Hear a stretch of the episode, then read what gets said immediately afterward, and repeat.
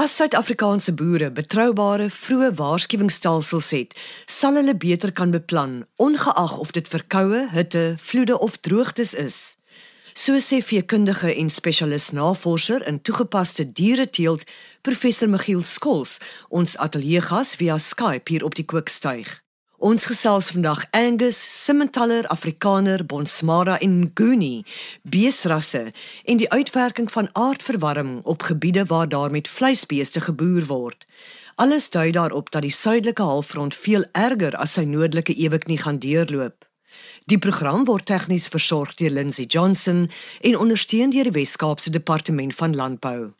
Professor, hoe kwesbaar is Suid-Afrika se vleisbeesbedryf wanneer dit by klimaatsverandering kom? Klimaatsverandering behels groter variasie in weerpatrone eh, soos reënval en temperatuur. Ek dink ons moet dit net verstaan. Klimaatsverandering is meer as net hitte of reënval, maar dit is 'n groter variasie in sulke patrone. En as ons kyk na die droogte wat ons in 2015 en 16 gehad het, sowel as die hitte, weet die 2015-16 seisoen was die droogste en warmste jaar wat ooit in Suid-Afrika aangeteken is. Nou, wat was die effek daarvan? Eerstens het duisende beeste gevrek of die uh boere het eenvoudig van kant gemaak. Dan is daar teelmateriaal geslag want die boere moes van hulle diere minder maak wat beteken dat hulle van voor af hulle teelkuddes moet opbou. 'n uh, ander uh, probleem wat ondervind is is dat die koeie wat wel gepaar is, se konsepsiesyfer was laag, want die hitte het die bulle se vrugbaarheid beïnvloed. Professor het nou gepraat van 2015-2016. Wat is die stand van sake op die oomblik? Wel die voorspellings van uh, die mense wat weet, sê ons gaan in hierdie seisoen van 2018-2019 weer bo gemiddelde hittegolwe kry en dit gaan ook droër wees en dit gaan eintlik later in die jaar heen.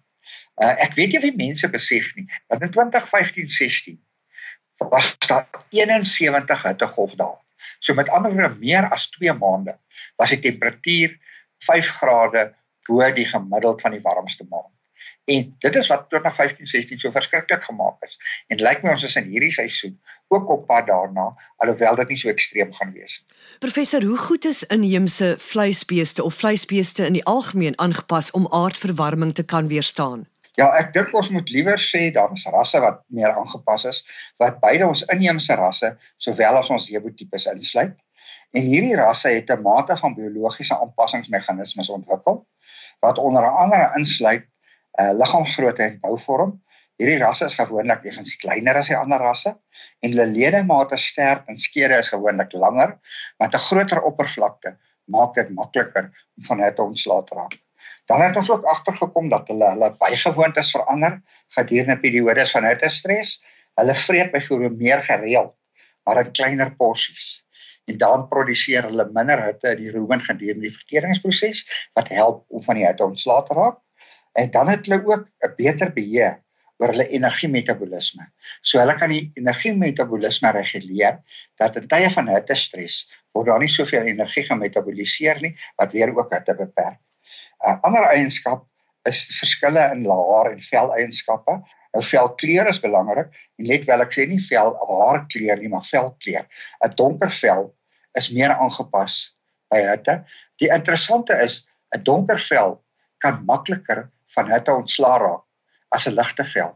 Dis ook by mense om die ewenaar swart is en dit by die pole so pink is, want by die ewenaar waar jy van hitte ontslaa raak en by die pole waar jy hitte hou. En dan is daar ook 'n verskil in die aantal sweetkliere sowel as die struktuur van die sweetkliere.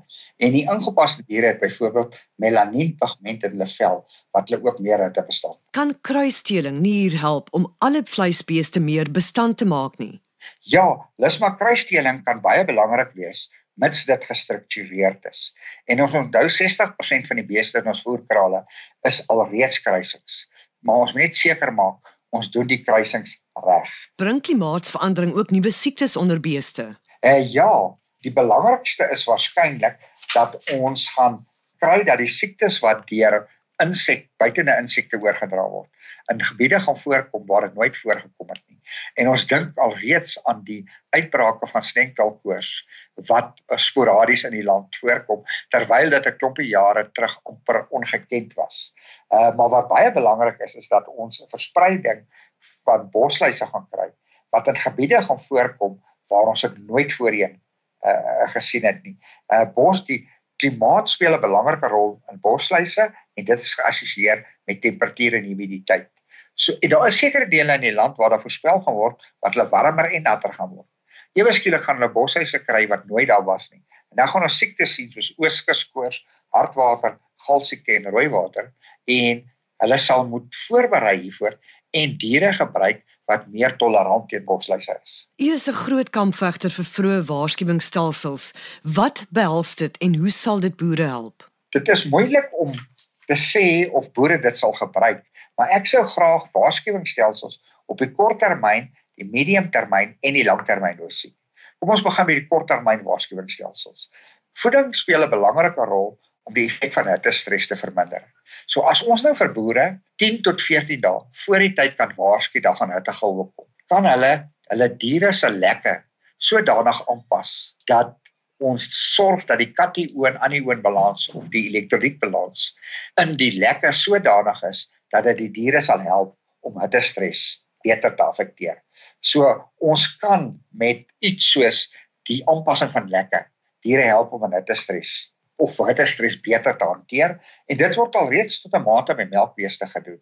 En ek weet 'n internasionale maatskappy soos Biomin kyk ook al reeds hierna om prepacks te voorsien wat boere by hulle lekker kan inmeng om die effek van hitte op die korttermyn aan te spreek. As ons kyk na langtermynvoorspellings, dan sal ons graag seisonale voorspellingsstelsels wil hê wat vir ons akkurate voorspellings vir die volgende 6 tot 12 maande kan gee. Want dan kan ons boere waarsku voor die droogte begin maak julle diere minder want daar gaan 'n droogte wees en dan dit gaan dan beteken dat hulle veld se draagkrag ook beter gaan bestuur. En ek het alreeds genoem dat hitte stres ook die vrugbaarheid by bulle beïnvloed so as die boer vroegtydig weet dan kan hy sorg dat hy aangepaste bulle koop vir die volgende teelseisoen. Maar dan moet hy 'n paar maande voor die tyd weet. Ek het met nou ander tipe bulle op my koeie gebruik. Of hy kan self beweeg na meer bulparings toe. Wat beteken hy sit meer as een bul by sy koeitrop en hoop dat daar van die bulle meer vrugbaar as anders sal wees. Maar dan moet boere betyds gewaarsku kan word om 'n beplanning te maak. Die langtermyn waarskuwingsstelsel is die moeilikste een want dis nie maklik om te voorspel wat gaan 5 of 10 jaar vorentoe gaan gebeur nie. Maar as ons dit kan doen, dan kan ons aan boere raad gee oor watter rastipes hulle in spesifieke areas moet aanhou en ook watter produksiestelsel beter aangepas kan wees. Daar word al heelwat gepraat van die kweek van kunsmatige rooi vleis in 'n laboratorium in die toekoms. Wat dink u van hierdie idee? Dit gaan natuurlik wye implikasies hê. Ja, ek het uh, as ek die vraag hoor, dan wonder ek is dit nie maar dat ons nou na geneties gemodifiseerde vleis beweeg nie en wat gaan die publiek se reaksie daarop wees? Maar dit is sekerlik teoreties moontlik en dit word al gedoen.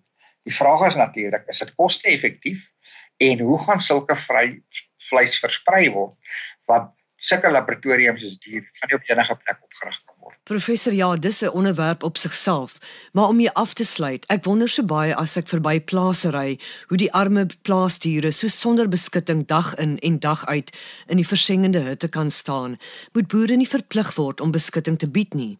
Ja, dit is die gevoel wat die meeste van ons kry. Maar ons moet onthou hierdie ekstensiewe herkouer diere kom al oor eeue in gebiede waar daar nie regtig beskutting was nie. By by herkouers is die grootste probleem nie die hoë dagtemperature nie, maar die feit dat tydens periodes van hittestres daal die nagtemperature nie onder 20 grade Celsius nie. En as die nagtemperatuur nie onder 20 grade Celsius daal nie, dan skop tropiese degenerasie in en word diere negatief beïnvloed. En dis 'n groot uitdaging met uh, klimaatsverandering dat in baie gebiede gaan ons nagtemperature gedurende sekere dele van vir die jaar nie onder 20 grade Celsius daal nie. En daaraan kan ons niks doen. Die skadinette gaan nie daarvoor help nie. Ons sal dan moet ons rastipes verander. Ons het vandag by professor Skols gehoor dat temperatuur die faktor is wat die grootste regstreekse invloed op diereproduksie het. Die meeste herkouervee presteer op hulle beste by temperature tussen 4 en 24 grade Celsius. Gegee die verwagting dat die aarde teen die einde van die eeu 4 grade warmer gaan wees, raak die oorlewingsrisiko vir diere in die algemeen dus net hoër. Een ding wat niemand kan betwis nie, is dat klimaatsverandering die wêreld soos ons dit ken drasties gaan verander. Ek gaan al vandag se slotaanhaling ver uit die 1800s by iemand wat na aan die natuur geleef het, die Noord-Amerikaanse Siksika Indiaanhoof Crowfoot. Wat is lewe? Dis die flits van 'n vuurvliegie in die nag. Dis die asem van 'n buffel in die winter. Dis die klein skaduwee wat oor die gras beweeg en homself in die sonsondergang verloor. Ek groet tot volgende week. Onthou die aarde is kosbaar. Kom ons bewaar dit.